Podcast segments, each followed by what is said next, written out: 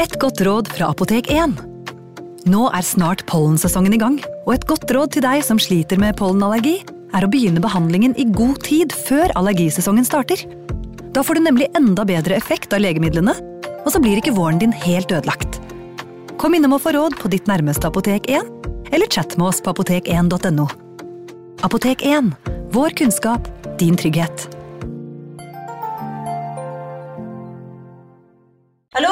Jeg kommer fra Oslo politikammer. Ine Jansen er purk. Er du purk? The motherfucking bitch. Alt jeg vil, er å finne ut hva som skjedde med mannen min. Jon Carew. Er jeg sikta for noe? Iben Akeli. Det er du. Ole So, Lars Berrum og Big Daddy Karsten. Hvem sin side er du på, egentlig? Anette Hoff, Tone Danielsen, Kommer du fra Afrika? Jørnis Josef, Nesten kløfta. Trond Espen Seim, Det er synd å si det, men det var feil mann som døde. Purk. Premiere tirsdag på TV2 Play. Ungsamtalen fra DNB er økonomisk veiledning tilpasset deg som er ung. Bokk en ungsamtale på dnb.no. slash ung. Det er kjempebra hvis du skal inn på boligmarkedet, hvis det er drømmen din, liksom. Det er det du skulle sagt. Og så kunne du ropt litt mer, da, sånn som jeg gjorde. Bam! Advarsel. Denne podkasten inneholder skildringer av ekte drap og kriminalsaker som kan være støtende for enkelte. Det advares også mot sterke inntrykk i deler av episoden. 25. desember 1996. Vi er i Boulder, Colorado. Det hadde snødd tett i flere dager, og snøen hadde lagt seg som et idyllisk teppe på den allerede så fine familiejulen. Familien Ramsay hadde hatt en perfekt høytid og var på vei hjem fra et juleselskap hos noen venner. Seks år gamle John Benet var minstejenta og sov tungt i baksetet på bilen. Storebror Burke på ni år var våken. Familiens bil svinger inn på gårdsplassen til det store huset. John Benet sover fortsatt, så pappa John løfter henne forsiktig ut av baksetet og bærer henne inn. Burke og mamma Patsy går inn sammen. De skulle aldri komme ut som en hel familie igjen. For noen timer senere var John Benet død. Velkommen til True Crime-podden.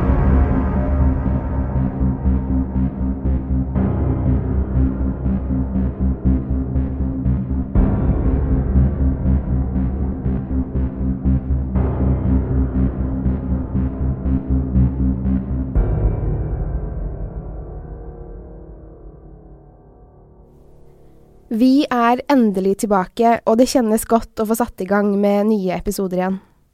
Heldigvis var den lille pausen på bare noen uker, men det var nok til å få jobbet med litt flere episoder. Tidligere i sommer spurte vi på Instagram om dere hadde noen tips til saker vi kunne ta opp i True Crime-poden. Og gjett om vi fikk svar. Flere hundre lyttere skrev til oss med kjempespennende forslag, og noen av sakene ble selvfølgelig foreslått flere ganger. Det tar vi som et godt tegn, og derfor synes vi det er passende å starte med akkurat denne saken. Det er min, og kanskje også deres, barndoms store true crime-sak. Her er drapet på John Benet Ramsey. Den 26. desember 1996 klokken 05.52 ringer en dame til operasjonssentralen 911. En kvinne puster raskt i telefonrøret og starter samtalen med å si Vi har en kidnapping. Hun fortsetter så å fortelle at kidnapperne krever løsepenger. Kvinnen som jobber på sentralbordet, prøver å få frem så mye informasjon som mulig. Hvem er forsvunnet? Datteren min. Hun er seks år gammel. Hun er blond, forklarer kvinnen. Hva heter du? spør operatøren. Patsy Ramsey. Jeg er mammaen. Flere politibiler blir sendt til 755 15th Street i et av Boulders finere nabolag. De ankommer huset bare noen minutter etter nødsamtalen. Huset er stort, og familien Ramsey ser ut til å ha mye penger. Trærne og hekken i hagen er klippet omhyggelig, og julelys er dekorert smakfullt og lekkert langs oppkjørselen. Politiet ringer på døren og blir sluppet inn. Inne i huset står juletreet pyntet, mens leker ligger på gulvet. Flere voksne personer er til stede, og politiet forstår ikke med en gang hvem som er foreldrene til den kidnappede jenta. De blir vist inn mot kjøkkenet, hvor en pen kvinne med mørkt hår sitter lutrygget og lener seg med albuene mot kjøkkenbordet. Hodet er i hendene, og hun virker fortvilet. Patsy Ramsey ser opp og forstår at politiet er kommet. Hun og mannen kan ikke finne datteren sin, seks år gamle John Benet. Patsy peker på noen papirer som ligger på bordet. De vil ha penger, gråter hun. Den ene av politimennene løfter opp arkene og leser. Mr. Ramsey. Hør nøye etter. Vi er en liten gruppe individer som jobber for en utenlandsk organisasjon. Vi respekterer ditt yrke, men ikke landet du jobber for. Vi har datteren deres i vår varetekt. Hun er trygg og uskadet nå, men hvis du vil at hun skal få oppleve 1997, ber vi deg om å følge instruksjonene i dette brevet. Du skal ta ut 118 000 dollar fra banken. 100 000 av disse skal være i 100-dollarsedler, og de resterende 18 000 skal være i 20-dollarsedler. Pass på at du tar med deg en stor nok attachékoffert, så pengene får plass i den. Når du kommer hjem, legger du pengene i en brun papirpose. Jeg ringer deg mellom åtte og ti i morgen tidlig for instruksjoner om hvordan pengene skal leveres. Leveransen vil bli slitsom, så jeg anbefaler deg å være uthvilt. Hvis vi ser at du skaffer pengene tidligere, kan det hende vi ringer deg tidligere. Så vi kan få pengene før, og du kan få hente datteren din tidligere. Hvis du gjør noe som helst annet som ikke står i dette brevet, vil datteren din bli drept, og du vil ikke engang forlike hennes så du kan begrave henne. De to herremennene som passer på datteren din nå, liker deg ikke spesielt godt, så jeg råder deg til å ikke provosere dem. Hvis du snakker med noen, f.eks. politiet, FBI eller lignende, vil det føre til at datteren din blir halshugget. Snakker du med noen av dem, dør hun. Snakker du med myndighetene, dør hun. Hvis du avslører noe til banken, dør hun. Hvis pengene er markerte eller lignende, dør hun. Du kan prøve å lure oss, men vi vil advare deg om at vi kjenner til hvordan politiet og myndighetene jobber, og hvilke taktikker de bruker. Det er 99% sjanse for at du dreper datteren din hvis du forsøker å lure oss. Følg reglene, og det er 100% sjanse for at dere får henne tilbake. Både du og politiet overvåkes. Ikke prøv å være smart, John.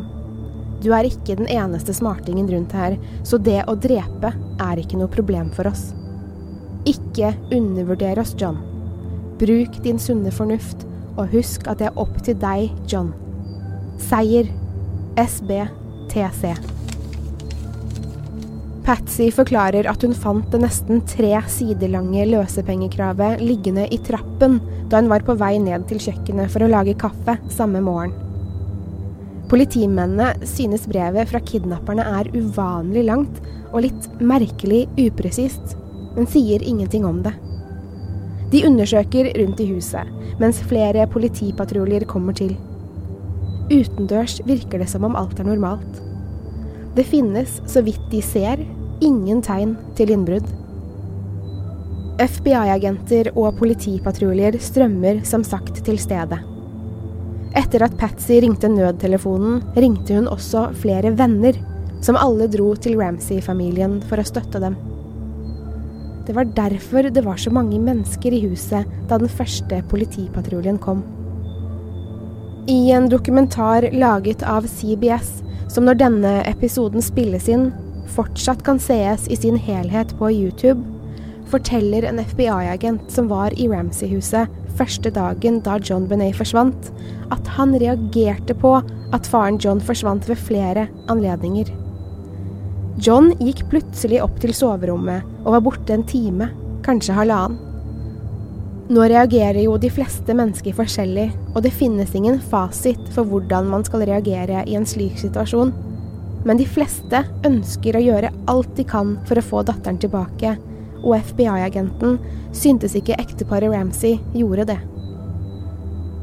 Timene går, og politi og FBI legger en strategi for hvordan de skal få John Benet tilbake. De klarer ikke å identifisere den internasjonale gruppen som hevder å ha tatt henne, og klarer heller ikke å avdekke at pappa John hadde noen fiender. John begynner å bli rastløs. Han leter febrilsk rundt i huset, åpner dører til alle rommene, og deretter går han ned i kjelleren. John åpner en dør til en av de innerste rommene og går noen skritt innenfor dørterskelen. Han snur seg, kommer tilbake igjen og skrur på taklyset. Hun er her, roper han. John Benet blir funnet i kjelleren i huset hun vokste opp i. Hun er gjemt under et teppe, og pappa John løfter henne opp. Han bærer henne inntil seg og opp trappen ut i stuen. Så legger han datteren på stuegulvet og kneler ved siden av henne. Seks år gamle John Benet er død. John Benets foreldre er fullstendig knust etter å ha funnet ut at datteren er død. Vennene deres prøver så godt de kan å trøste, men det hjelper selvfølgelig ikke. De har mistet et barn. Situasjonen har nå endret seg drastisk. Fra å være en kidnapping hvor de mest sannsynlig ville få John Benet tilbake, til å bli en barnedrapssak. Det betyr også at huset til familien Ramsay er et åsted. Politimenn, venner, FBI-agenter og familien Ramsay selv har tråkket rundt i huset. Eventuelle spor kan være ødelagt, og åstedet kontaminert. Saken med den tragiske vendingen får stor oppmerksomhet i media. Allerede samme natt som John Benet ble funnet, stiller reportere og TV-kameraer seg opp utenfor Ramsay-huset. Politiet får spørsmål hver gang de går ut eller inn av huset, og alle vil se og snakke med noen som kjenner familien. Dagen etter at John Benet ble funnet, flyttes familien til et hemmelig sted for å få ro. De skaffer seg en advokat og nekter å snakke med noen. Til og med politiet. Politiet prøver gjentatte ganger å komme i kontakt med familien Ramsay, slik at de kan få avlagt forklaring for politiet.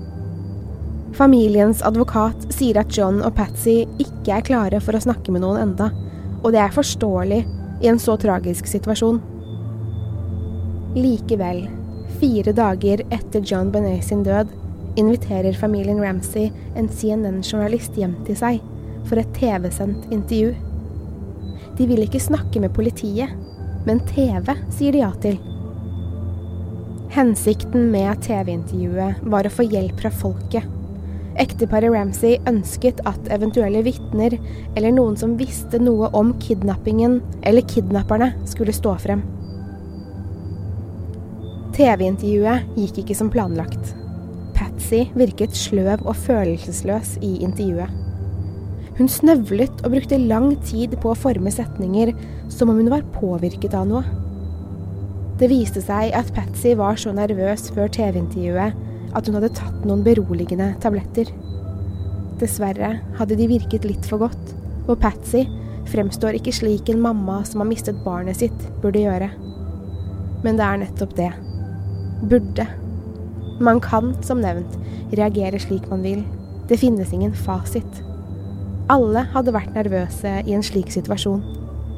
Men det er én ting med intervjuet som for ordens skyld både vises i CBS-dokumentaren, men som også kan ses i sin helhet på YouTube, som får mange, både politi, journalister, advokater, atferdseksperter og vanlige mennesker, til å reagere. I intervjuet sier Patsy vi må finne ut hvem som gjorde dette, mens hun rister på hodet. Journalisten som intervjuer foreldrene, spør så. Er du overbevist om at John Benet ble kidnappet? Patsy rister på hodet i noen lange sekunder før John svarer ja, og da nikker Patsy bekreftende på hodet. John sier at de er en familie full av kjærlighet for hverandre, mens han rister på hodet. Dette ga folk indikasjoner på at noe ikke stemte med John Benet-saken. Det betyr ikke at foreldrene drepte John Benet, men det er det vanlige folk begynner å tro. Mye av at media spekulerer i om foreldrene hadde noe med drapet å gjøre. De plukker fra hverandre foreldrenes svar og analyserer hver bevegelse de gjør. Det at Patsy har tatt beroligende medisiner, blåses opp til at hun har rusproblemer. Saken tar helt av. Oppi alt mediestyret er det en seksåring som har mistet livet. En liten jente som ble funnet død i sin egen kjeller. Hun var i huset hele tiden. Men hvordan døde hun?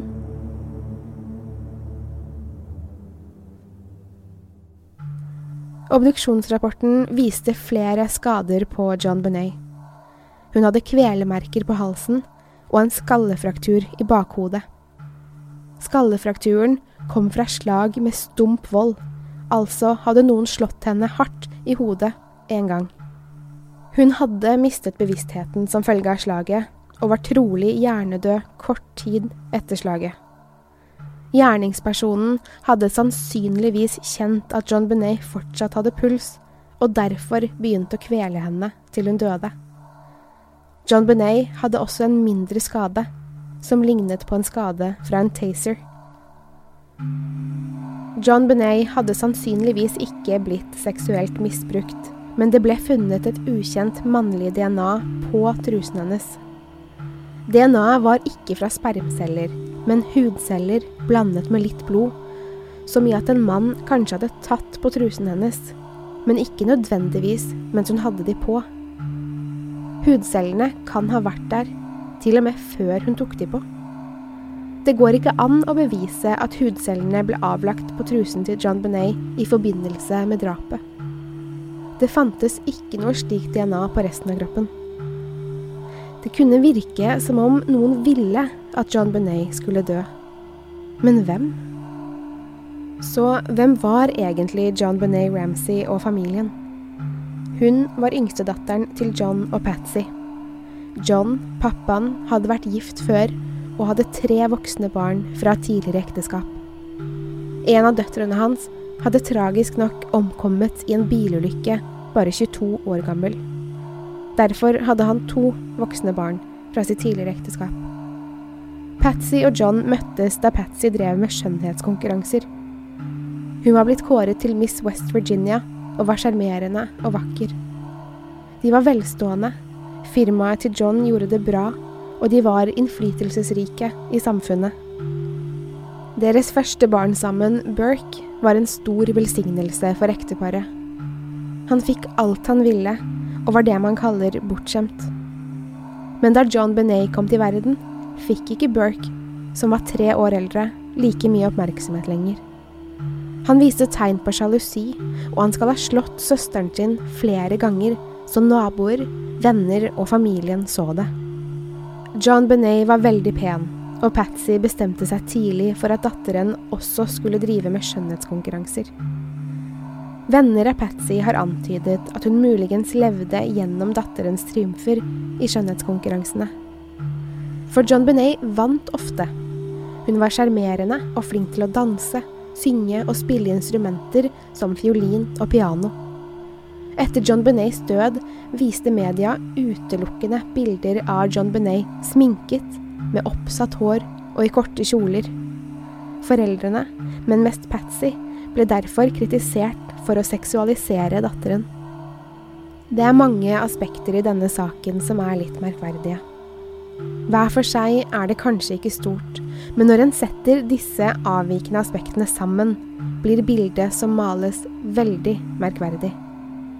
Eksempel det at brevet fra kidnapperne var så langt og innholdsrikt. Var det nødvendig med all informasjonen som sto der? Vanligvis i kidnappingssaker er kravene i slike brev korte og konsise. De inneholder kun informasjonen som er nødvendig, og kidnapperne forteller ikke mye om seg selv, slik de gjorde i brevet til familien Ramsay. En annen ting som er merkelig med brevet, er at de sier 'hør nøye etter' istedenfor 'les brevet nøye' eller noe i den duren. Hør etter er ikke noe man gjør når man leser et brev. Politiet begynner å tro at Patsy kan ha skrevet brevet. De finner to brev til, hvor den som har skrevet brevet, har øvd seg før det siste brevet ble skrevet. Og hvorfor, hvis motivet var penger, ba de ikke om mer enn 118 000 dollar? Ramsay-familien kunne ha betalt flere hundre tusen, eller kanskje beløp i millionklassen, så 118 000 er både lite og en veldig spesifikk sum. En sum som er ganske lik John Ramsays julebonus. Det var ikke bare pengekravet og brevet etterforskerne stusset over. Familien Ramsay nektet fortsatt å snakke med politiet. Ikke før fire måneder senere møtte de opp på politistasjonen med advokater og støttespillere for å avgi forklaring på hva som skjedde kvelden da John Benet forsvant. Fire måneder senere. Spekulasjonene i media og i vanlige folks hjem ville ingen ende ta. Rykter om at det var familien selv som hadde drept John Benet, blusset opp, og i månedene som fulgte, måtte familien forsvare seg flere ganger i media. De stilte opp i intervjuer og ansatte en privat etterforsker for å renvaske seg. Selv om indisiene pekte mot at det var noen i Ramsay-hjemmet, de eneste som faktisk var hjemme da John Benet døde, fantes det ikke nok bevis for å gå til sak mot familien, eller for å ta ut tiltale mot noen av dem. Det var ingen tegn til innbrudd utenfor huset heller, verken fotspor i snøen eller lignende. Men i kjelleren, der John Benet ble funnet død, var kjellervinduet knust, og en stor attachékoffert sto under vinduet. Var det den kidnapperne mente at John skulle ta med seg til banken? Eller ble den kanskje brukt som krakk for å rekke opp til å klatre ut av vinduet? Det viste seg at det var John selv som hadde knust ruten i kjelleren, men ikke i forbindelse med drapet på John Benet. Han hadde glemt nøkkelen en gang og kom hjem fra jobb mens Patsy og barna var borte. Dette hadde både Patsy og John fortalt til venner lenge før drapet. Så da var det ingen tegn til innbrudd likevel. Og det er jo ikke bra for familien Ramsay. Det tyder på at noen i huset kan ha drept John Benet. Foreldrene? Men hvorfor? Hvilket motiv skulle foreldrene ha hatt for å ta livet av datteren sin, som de uten tvil var stolte av og elsket veldig høyt? Eller dekket de over noe en annen i familien hadde gjort? Burke var ni år da lillesøster Han var sjalu på henne, og han hadde slått henne flere ganger kunne det hende at Burke slo søsteren i hodet, så hardt at hun mistet bevisstheten. Og da John og Patsy så hva Burke hadde gjort, valgte de å dekke over mordet. Det kan jo ha vært et uhell. Denne teorien fikk en voldsom oppslutning etter at dokumentaren jeg har nevnt noen ganger, antydet at det kunne være Burke som drepte John Benet. I dokumentaren, som ble sendt i 2016 på TV-kanalen CBS i USA, tar produksjonen inn flere eksperter som ser på hele saken på nytt, fra start til slutt. De kommer frem til at det kunne være Burke som drepte lillesøsteren. Nå skal vi ikke spekulere i akkurat det, men det kan se ut til at Burke muligens er den eneste som, satt på spissen, hadde noe å vinne på at John Benet døde. Han ville kanskje være favorittbarnet igjen. Dokumentaren er interessant, selv om de kanskje strekker noen av funnene og teoriene litt langt. Den er likevel verdt å se, synes jeg. Det er fra den dokumentaren teorien om at Burke drepte lillesøsteren kom fra. Men det finnes masse annen litteratur om John Benet-saken, slik som boken John Benet, The Police Files av Don Gentile og David Wright fra 2003, hvor man får et bedre innblikk i hva som ble funnet, men også ikke funnet de første dagene i Ramsay-huset, samt notater fra politiet på stedet, og undersøkelser som ble gjort i tiden etter drapet. Så hva skjedde egentlig i John Benet-saken? Et mediasirkus skjedde. Familien ble anklaget for drapet, men nektet. Teorier ble prøvet, og en mann tilsto faktisk drapet på John Benet, men ble løslatt da det viste seg at han bløffet. DNA-et som ble funnet i John Benets truse, tilhørte en ukjent mann. Det tilhørte ingen i familien til John Bonet, eller noen menn i familiens vennekrets, riktignok av de som ble testet. Men betyr det at ingen av dem drepte den lille jenta? DNA-et var som sagt fra hudceller, som forekommer hvis noen tar på stoffet, eller at stoffet er nær huden til en person. DNA-sporet beviser dessverre ingenting, men det renvasker heller ingen. Likevel ble familien Ramsey offentlig renvasket av politiet i Boulder, Colorado i 2008, og ble gitt en offentlig beklagelse. Politimesteren sa at ingen i familien Ramsey var mistenkte. Mange synes denne offentlige beklagelsen virket uekte. Det var som om noe ikke stemte. Dessverre fikk aldri Patsy Ramsey oppleve denne renvaskelsen. Hun døde bare 49 år gammel i 2006 av kreft, fortsatt under mistanke fra mange som trodde hun hadde noe med drapet å gjøre. I dag er John både far og bestefar, men savner kona og de to døtrene han mistet. Burke er 31 år gammel. Da han fikk høre om CBS-dokumentaren som, faktisk ganske rett frem, anklager han for å ha drept søsteren, valgte han å saksøke både journalistene, ekspertene og TV-kanalen selv. Han stilte også til intervju på Dr. Phil og proklamerte sin uskyld. John Benet hadde fordøyd ananas i duodenum, altså den første delen av tynntarmen, som tydet på at hun hadde spist favorittsnacksen sin en stund før hun døde. På kjøkkenet fant politiet en bolle med ananas, med Burke sine fingeravtrykk, men ikke foreldrenes eller John Benet sine.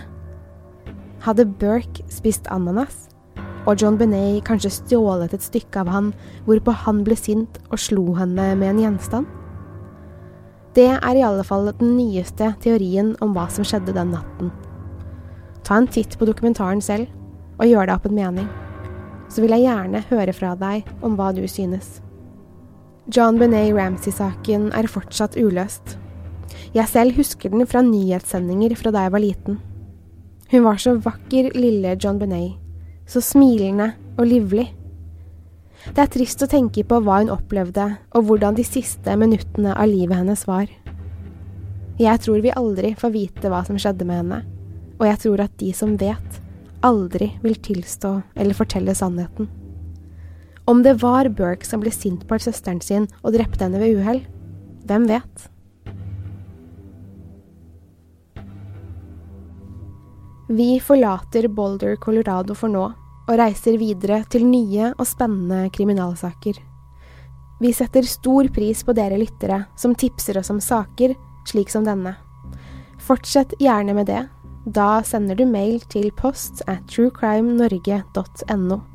Vi legger som alltid ut bilder på vår Instagram-profil hvor vi heter True Crime Norge, og på Facebook-siden til True Crime Podden.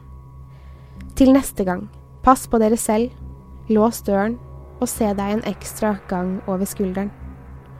Takk for at du har hørt på True Crime Podden.